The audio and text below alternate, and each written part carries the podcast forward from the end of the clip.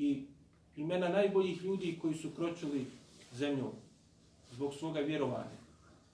I mnogo drugih, jel, spominje se da je bilo možda u tom periodu neki osamdesetak ashaba koji se spominju da su primili u tom periodu. Neki navode da je bilo 40. Pojenta je da je, dakle, da je to bila jezgra oko koji će se graditi dava i pozivanje Allahu subhanahu wa ta'ala vjeru. Nakon toga Allahom poslaniku sallallahu alaihi ve sellem, Allah uzvišeni naređuje da ljude pozove javno. Naređuje mu da kreni sa javnim pozivanjem u Allahu subhanahu wa ta'ala vjeru.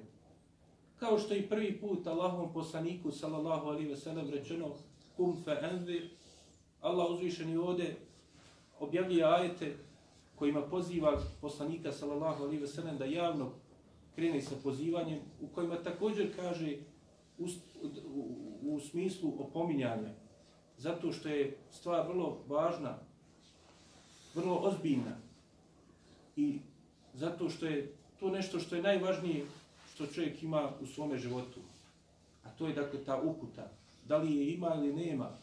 To je nešto najvažnije što čovjek u životu treba da bude.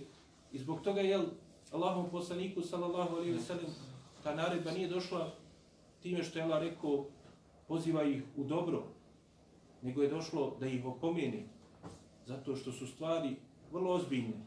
Pa je zbog toga Allahovom poslaniku sallallahu alaihi ve sellem ajeti kojima je krenuo javni poziv bili wa anzir ashiratak al-qarabin. Kaže Allah uzvišeni u ajetima u suri Šuara kaže u toj suri između ostalog ona počinje time što Allah uzvišeni podučava Allahov poslanika sallallahu alaihi ve sellem o Musa i njegovom narodu.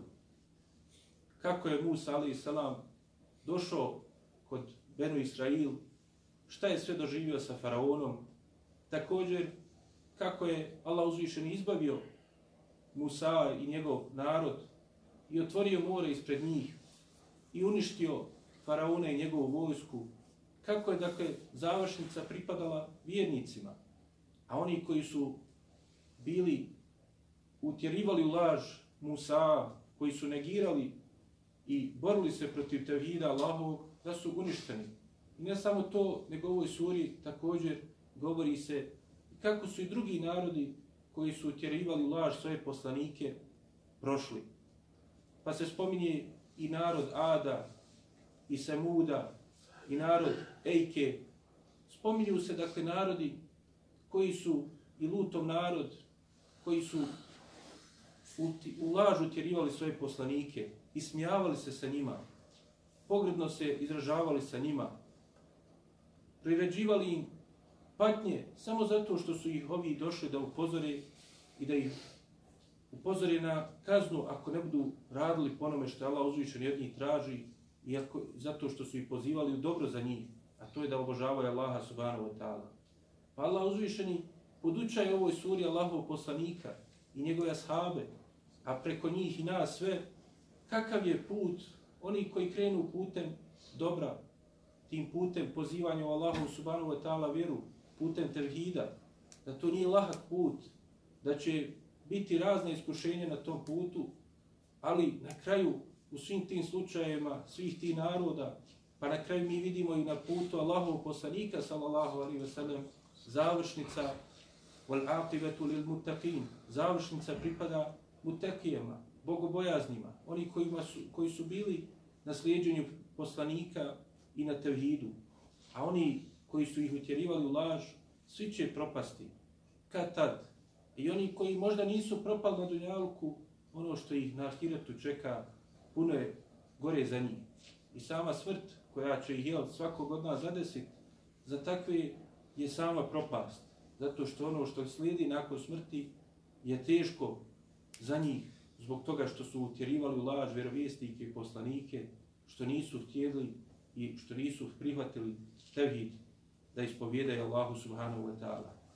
Pa ovdje Allahom poslaniku sallallahu alaihi wa sallam nakon svih tih kazivanja u ovoj suri Allah uzvišeni naređuje i kaže nakon što ga je podučio svemu tome kaže ti kaže opomini svoju rodbinu bližnju. Zato što je rodbina najpreća da je čovjek pozove. To je nešto što je najvažnije. Što kažu učenjaci, jel, to ukazuje na odgovornost koju čovjek ima, na stepene odgovornosti. Znači, najpreći je sam sebi, zatim njegova bližnja porodica, zatim njegova šira porodica, pa tek ostali ljudi. I također, jel, zato da Allahu poslanik sallallahu alaihi ve sellem kada pozove svoju rodinu, onda ostali će još prije se odazvati ako se oni odazovu, a također prekinut će se argumentacije onih koji će reći što nas pozivaš, a nisi pozvio svoju rodbinu. Pa je Allahu poslanik sallallahu alaihi ve sellem stvarno i počeo da poziva odma nakon što mu je naređeno, kao što i onom na početku poslanstva krenuo odma da poziva, također i ovdje je odma krenuo javno da poziva. Pa je izašao i pozvao svoju porodcu, kako je došlo u hadisima kod Buhari i muslima u njihovim sahihima, dakle, Allahu poslanik sallallahu alaihi ve sellem nakon ove naredbe počeo je da poziva ljude i svoje porodce. Jednom prilikom je, spominje su jednom od tih hadisa kod Buhari i muslima, da je skupio ih i rekao im, o porodca, o kurešije, pa bi onda počeo prozivati svaku porodcu po na osob od porodica koje su dakle, pripadale njegovoj široj porodici. Govorio bi tako što bi jel, rekao o porodcu Benu Hašim, o porodice Benu Abdul Butalib, prozivao bi neke i poimence, o Safio, tetko Allahov poslanika, jel? O Fatima, čeri moja, spasite se od vatre. Ja vas ne mogu od toga spasti. Ja vam ne mogu koristiti ništa pored Allaha uzvišenog. Dakle, poduzmite od sebe korake. Svako od sebe mora da se pozabavi sa samim sobom. Ja vas pozivam i ja vam upozoravam vas na kaznu koja vam je blizu. Drugom prilikom, također kod Buhari i muslima, spominje se da je Allah poslanik sallallahu alaihi ve sellem otišao na brdo Safa. I tu je također iskoristio jedan običaj koji su imali u džahilijetu, a to je da bi rekli va sahiba, u, u smislu riječi kojima su ukazivali na opasnost. Pa je također tu rekao njima da bi ih, te riječi, da bi ih oni se odazvali njemu. Bio običaj da u džahilijetu tim riječima čovjek pozove ljude i onda bi se svi ljudi okupili da čuju šta će reći. On je odabrao brdo Safa zato što je to bilo istaknuto mjesto i uzvisina oko koje bi se mogli oni da okupiti. Pa kaže, svi su došli. Ako nije mogao da dođe od tih porodica, poslao bi nekog od svojih zastupnika. Običaj njihov je također bio, kada bi tako nešto uradili, da onda skinu svoju odjeću, razgolite se i posebi počnu posipati pjesak. Ali to Allahu poslani sallallahu alaihi ve sellem nije uradio. Iz čega je učenjaci kažu korist za nas je dakle da čovjek koristi sve pozitivne i bilo neke prakse, bilo neke neka iskustva ako su jel u skladu sa šerijatom. Pa je u ovom slučaju Allahu poslanik sallallahu alaihi ve sellem iskoristio to da visok, visoko podigo glas, iskoristio taj način koji su oni praktikovali da upozori na neku opasnost, ali je odbacio ono što je bilo od neispravnih stvari. Znači, slijedženje bilo koga u nečemu što nije u skladu sa šerijatom nije dozvoljeno. Nije uzimanje bilo kakvih negativnih praksi dozvoljeno, ali pozitivni iskustava iz ovoga vidimo jel, da je dozvoljeno. Pa su se oni odazvali Allahom poslaniku sallallahu alaihi ve sellem. I onda je on rekao njima, kada, že, kada bi vas, kaže, obavijestio da iz ovoga brda je konjica došla koja želi da vas napadne, bili mi vjerovali u tim riječima? Oni su rekli, kaže, od tebe nismo nikada čuli bilo kakvu laž. U drugoj predaji ovog hadisa kaže se, od tebe smo samo istinu čuli. Naravno da ti vjerujemo. Ti si povjerljivi među nama. Najodabraniji i najpoštovaniji u našem društvu. Pa kaže, ja vas upozoravam na nešto što je puno veće od toga. Vjerujete mi da će doći vojska od koji će se jel, bojati za svoj metak, za svoje živote, za svoje porodice. Ja vas, kažu, upozoravam za nešto što je puno veće od toga. Ja sam vam opominjem vas prije nastupa Allahu subhanahu wa ta'ala kada je to te riječi čuo Ebu Leheb, Amidža Allahov poslanika, sallallahu alaihi wa sallam, on je rekao, kaže, propao si, zar si nas zbog ovoga okupio? Nakon čega je Allah uzvišeni objavio riječi tebet jeda ebi lehebin wa teb. Ma agna anhu maluhu wa ma keseb. Dakle, Allah uzvišeni objavljuje ajete i sure Mesed u kojima se govori da će da je propao Ebu Lehebi da će propasti. On je bio Amidžu Allahov poslanika, sallallahu alaihi ve sellem. I kaže se, bio je ugledan, imao i metka, kaže se, neće mu koristiti njegov metak i ono što je sticao. Nema te koristi, nema te snage i moći pored Allaha subhanahu wa ta'ala. Neće ga to sačuvati. I kaže, sa jasla narad zate lehab. I on će, kaže, bačen u vatru. Kaže se da je njegovo ime bilo Abdul Uzza. Dakle, rob njihovog božanstva po kojem su oni davali ime. Abdullah davali su neki imena poput toga rob e, njihovog božanstva Uzza. Ali je bio poznat kao Ebu Leheb. Pa Allah uzvišeni ga proziva tim imenom i tim nadimkom. Neki kažu da imao sina Leheba pa se zvao jel, otac Lehebo, a neki zato što je imao crvenilo u licu, pa kaže kao da je e, mu lice bilo u plamenu. Pa je Allahova mudrost bila jel, da ga i prozove tim imenom, kao što kažu učenjaci, zato što će i on baš biti u plamenu. I što je još jedna mudrost iz ovoga, što je taj isti Ebu Leheb jel, do kraja života nikada nije primio islam. I doista je bio od onih koji su propali.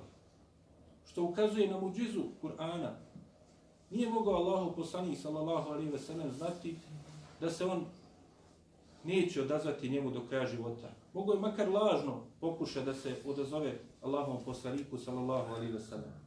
Ali dakle to ist, potvrda istinitosti objavi Allahove Allahov poslaniku što je on do kraja života ostao takav. I vidjet ćemo i bio jedan od najžešćih u borbi i suprostavljanju Allahom poslaniku sallallahu alaihi wa sallam. A također u tome i mudrost da se vidi da poziv Allahov poslanika sallallahu alaihi ve sellem nije bio nikakav plemenski poziv, nije bio nikakav porodični. Dakle, i oni koji su ga poštovali i volili, nisu svi ga isto podržali. Neki su se suprostavili. Što kažu učenjaci, bilo je mudrost Allahova da i te njegove amidže podijele se u četiri skupine. Pa ćemo vidjeti neke od njih koji su se odmah odazvali Allahovom poslaniku sallallahu alaihi ve sellem. Neki su poput Alije, sina Ebu Talibovog, jel, Amidžića Allahovog poslanika sallallahu alaihi ve sellem, odmah se odazvali. Drugi poput Abasa, Ibn Abdul Mutaliba, Amidžića Allahovog poslanika sallallahu alaihi ve sellem, dakle, sve je to jedan od najbližih rodova što ima Allahov poslanik sallallahu alaihi ve sellem, će te kasnije primiti islam. Pa dakle, vjernici od onih koji su povjerovali Allahu poslaniku sallallahu alaihi wasallam iz njegove bližnje porodice, neki se odma odmazvali, a neki će tek kasnije. A sami nevjernici nisu isto bili na isto. Pa i među njima bile su dvije skupine. Bili su neki poput Ebu Leheba, koji su bili najžešći u borbi protiv Allahovog poslanika, sallallahu alaihi ve sellem, i su prostavljali njemu. A bili su i neki poput Ebu Taliba, koji će nakon ovoga neće prihvatiti poziv Allahov poslanika sallallahu alaihi ve sellem, neće prihvatiti vjeru islama, neće htjeti ostaviti vjeru svoga djeda svo, i svojih djedova i očeva, Abu Mutaliba i drugih, ali će biti od onih koji će pomagati Allahov poslanika sallallahu alaihi ve sellem, biti mu na usluzi. Pa dakle, Allahov poslanik sallallahu alaihi ve sellem odmah nakon što mu je naređeno pokazuje čvrstinu svoga ubjeđenja i kako ga je Allah uzvišeni učvrstio time što ga je odgajio sa Kur'anom, sa objavom koja mu je silazila, odmah se odaziva naredbi Allahu, Allahu uzvišenom. I odmah poziva svoju obli, eh, bližu porodcu. Čak je izlazi tako javno da ih pozove. Ne bojeći se šta mu mogu uraditi. Zato što se oslanja na Allaha uzvišenog. I zato što zna da Allah uzvišeni, ako ne da da mu nešto naštete, neće mu moći naštetiti. Također, u jednoj od tih predaja spominje se da je Allahov poslanik sallallahu alaihi ve sellem kada im je rekao, jel, kada je prozivao također po porodca, pa rekao, o porodce Murra ibn Kaaba, spasite se od, od vatre, a u drugoj predaji je došlo, otkupite sebe, zato što svi mi pripadamo Allahu subhanahu wa ta'ala i naše duše pripadaju njemu, pa otkupimo naše duše sa dobrim dijelima, sa pokornošću Allahu, sa konjenjem onoga što je on zabranio, sa ispovjedanjem vjere njemu samo subhanahu wa ta'ala, otkupimo naše duše od vatre. Pa kaže, jel, poslanik sallallahu alaihi wa sallam kaže, otkupite svoje duše, spasite se od vatre. Porodice Abdul Šemsa, spasite se od vatre. Porodice Abdul Menafa, spasite se od vatre. Kaže, o Fatimo, znači, obraća se i svojoj čerci. Kaže, spasite se od vatre. Ja vam ne mogu koristiti ništa mimo Allaha subhanahu wa ta'ala. Znači, to je taj potpuni tevhid. Nije Allaho poslanik sallallahu alaihi wa sallam koji je najodabraniji Allahov rob, Allahov poslanik, ne može koristiti mimo Allaha subhanahu wa ta'ala. I on je samo jel Allahov rob i njegov poslanik. Ne može ni svojoj najbližoj porodici, svojim čerkama, koje su jel, sigurno mu među najdražim osobama, ne može ih koristiti. Kaže, ja vam ne mogu koristiti. Jedino među nas što ima još jeste rodbinska veza koju ću ja čuvati i održavati. Iz čega jel vidimo kako je već u tim početcima, kao što je i opisano Sani sallallahu alaihi ve sellem i bio prepoznatljiv i prije Islama i prije nego što mu je objava počela dolaziti, da je održavao rodbinske veze, da je bio od njegovog ahlaka i morala te najljepše osobine. Jer, kao što kažu učenjaci, rodbina je najpreča da ih čovjek pozove Allahu subhanahu wa ta'ala vjeru. Zato što kažu od toga što je održavamo te rodbinske veze, od prava koje imaju kod nas, najveće pravo je da čovjek ih pozove ako nisu na pravom putu, da se odazovu na pravi put, da ih čovjek savjetuje na lijep način, pozove da se vrate Allahu subhanahu wa ta'ala vjeri. Jer što kažu također, to je znak istinske ljubavi prema njima. Nije istinska ljubav prema tome što će čovjek prešučivati negativnosti koje imaju, nego s time što će ih savjetovati, što će im pokušati da približi Allahu subhanahu wa ta'ala vjeru na najljepši način. I također, zato što čovjek, jel, ako nije u mogućnosti da pozove mnoštvo ljudi, najmanje što može svoju rodbinu. I ako ne može ni to, onda makar svoju porodicu, svoju suprugu, svoju djecu, svoje roditelje. Jer Allah uzvišeni kaže Ja ejuhaladina amenu ku enfusekum wa ahlikum nara. Kaže, ovi koji vjerujete, čuvajte sebe. Vi ste najpreči, jel, sami sebe da sačuvate od vatre. Čuvajte sebe i svoju porodicu od vatre. Vakuduha nasu wal hijab. Vatre kojoj će gorivo biti ljudi i kameni. Dakle, žestoki Allahove kazne koja će biti pravedna prema onima koji ne budu pravedni prema Allahu subhanahu wa ta'ala, ne budu pravedno ispoljavali prava prema njima. A da bi bili pravedni prema Allahu uzvišenom i da bi ispunili prava koja traži od nas, moramo biti pravedni u postupanju i sa našim rodbinama i pravima koja imaju kod nas. Što kaže se, jel, mnoštvo hadisa je došlo žestoka kazna za onoga koji prekida rodbinske veze. Kaže Allahu poslanik sallallahu alejhi ve sellem, kaže neće ući u dženet onaj koji prekida rodbinske veze. Čovjek jel ima možda mnoštvo rodbine. Sa svima treba da održava veze. Od propisa toga je da oni koji su mu bliži s njima je više održava veze. Oni koji su mu dalji u najmanju ruku, posebno u naše vrijeme, čovjek može kroz savremena sredstva komunikacije, da se nekad čuje s njima, da u posebnim vremenima za njih i za nas, poput Bajrama i tome slično, da se čuje s njima ili da ih posjeti ako je mogućnosti, pomogne. Dakle, to je od propisa koji su vezani za to i to je ono što je Allah poslanik sallallahu alaihi wa sallam već u, u startu naglasio u svome pozivu ljudi u Allahu subhanahu wa ta'ala vjeru. Što ukazuje koliko je to važno. Također, iz toga što vidimo ovaj slučaj Ebu Leheba, vidimo da to što je neko blizak Allahom poslaniku, sallallahu alaihi ve sellem, rodbinski, neće mu koristiti ako ne povjeruje ono sa čime je došao Allahov poslanik, sallallahu alaihi wasallam. Pa taj Ebu Leheb, dakle, ne samo da je neće mu koristi, nego je on jedan od najgorijih Allahovih stvorenja, zato što je čak i sura objavljena u povodu toga što je on u startu jel, odbio Allahov poslanika sallallahu alaihi ve sellem i na takav način se ismijavao sa njim. Što je također jel, velika prijetnja u, to, u tome što vidimo jel, nekoga ko će na sličan način nakon života Allahov poslanika sallallahu alaihi ve sellem da odbacuje njegov sunet. I mnoštvo je kazivanja onima koji su na takav način jel, odbacivali nešto od suneta Allahov poslanika sallallahu alaihi ve sellem, da su se ismijavali sa tim, da su vrijeđali i smatrali to smiješnim, lošim ili tome slično, da je Allah uzvišeni znao nekada i da pokaže i svoje, svoju kaznu na takvima zbog toga što su tako postupali sa sunetom Allahovog poslanika sallallahu alaihi ve sellem. Dakle, temelji islama jesu upravo šehadeta dva la ilaha illallah Muhammedu Rasulullah.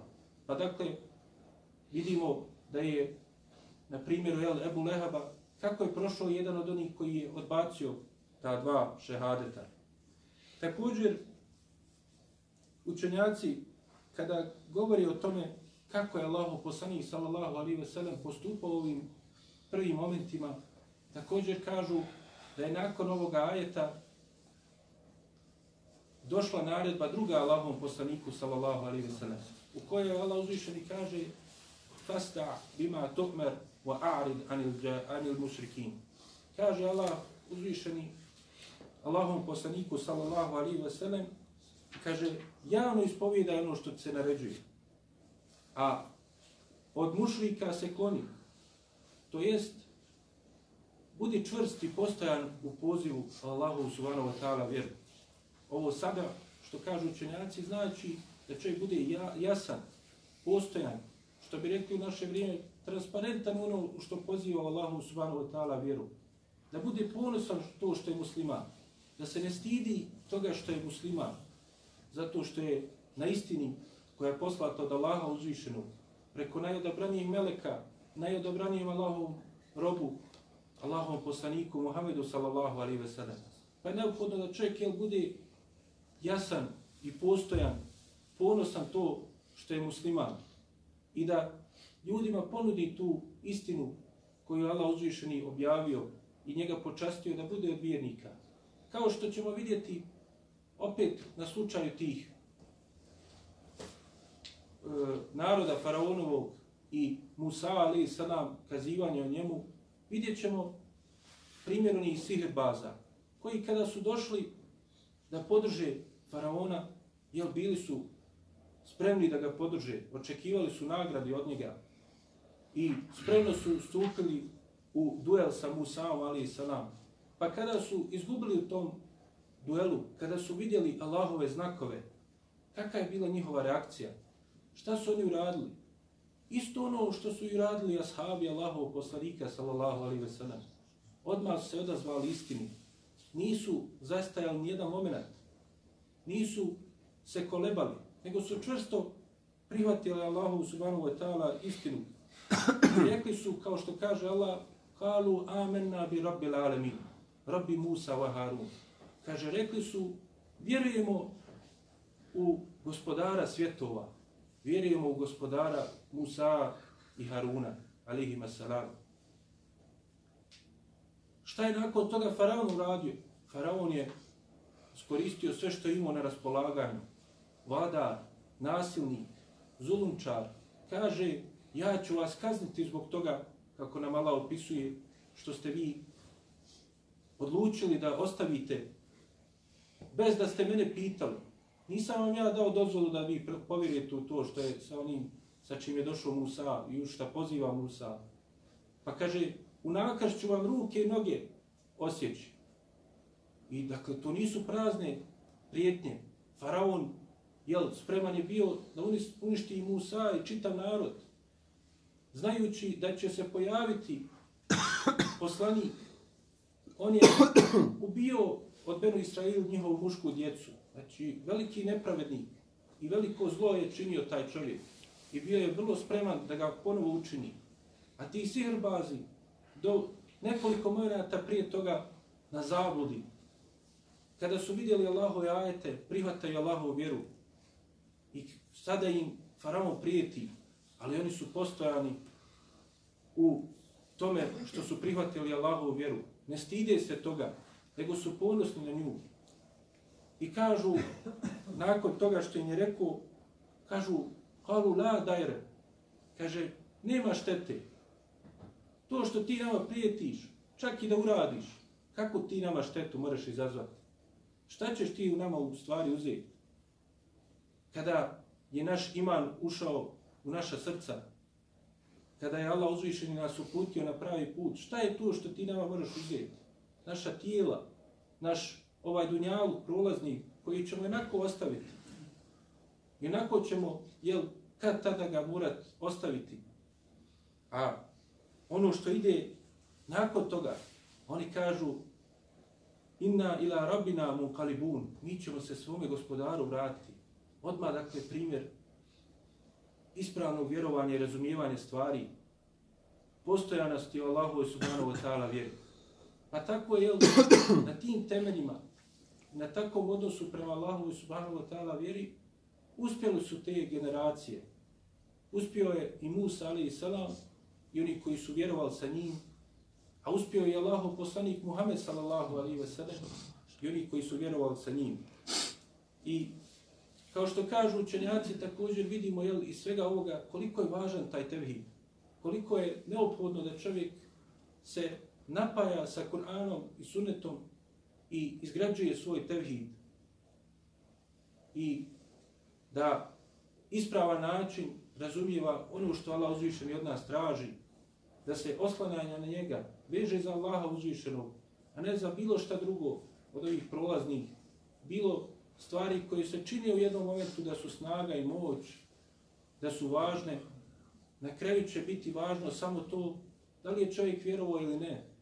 Kao što kaže Ibnul Kaim, kada je govorio o ovim momentima iz prvog poziva Allahov poslanika sallallahu alejhi ve sellem prvim danima njegovog pozivanja u svojoj knjizi Zadul Mad kaže kaže kada čovjekov iman i njegov tevhid budu jaki i što budu jači kaže biće će potpuniji oprost Allaha subhanahu wa ta'ala i kao što to znamo u hadisima koji su došli po tom pitanju kod imama Tirmizi i drugi dakle da čovjek koji dođe Allahu uzvišenom vjerujući u njega i ispovjedajući mu tevhid, ne čineći mu širk, kada bi došao sa brdima grijeha, Allah će mu doći sa brdima oprosta.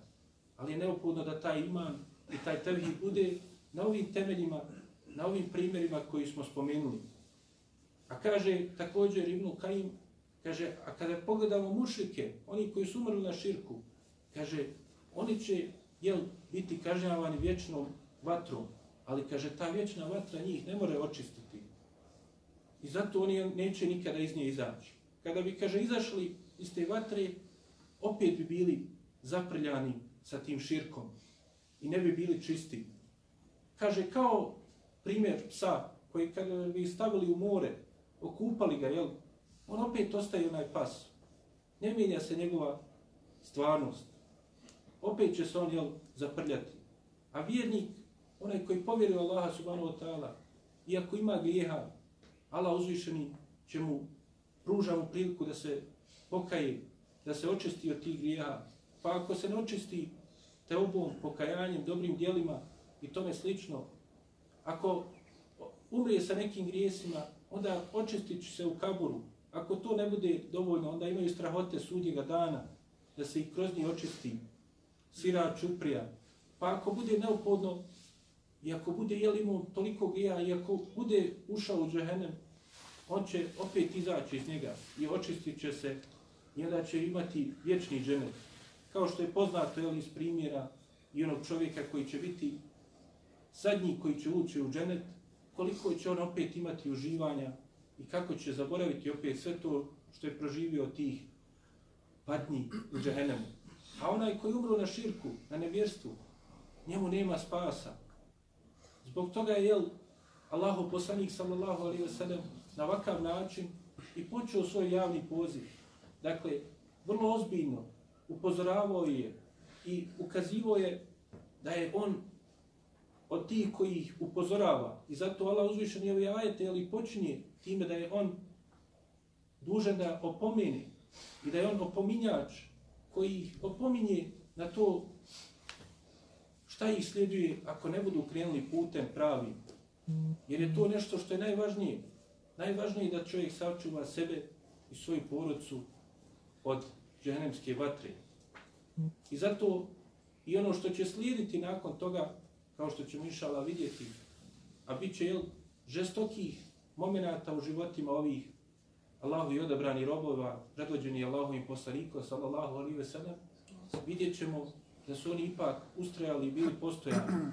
Neki su ubijeni na tom putu, neki su mučeni, neki su izgubili sve što su imali, ali na kraju njihov završetak jeste da do današnjeg dana oni imaju djela u dobrim djelima zato što jel, sve ono što su oni pozivali u Allahu subhanahu wa ta'ala vjeru na tim temeljima raširila se Allahu subhanahu wa ta'ala vjera i do današnjeg dana traje i traje će do sudnjega dana.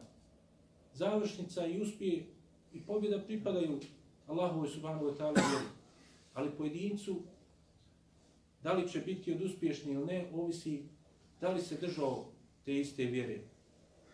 Molim Allah subhanahu wa ta'ala da nam oprosti naše grijehe, Molim ga subhanahu wa ta'ala da nam se smiluje. Molim ga subhanahu wa ta'ala da nas učini od istinskih sjedbenika Allahov poslanika Muhammeda sallallahu alaihi wa sallam da nam poveća našu ljubav prema njemu. Molim ga subhanahu wa ta'ala da nas pokupi u najodabranijem društvu. Amin.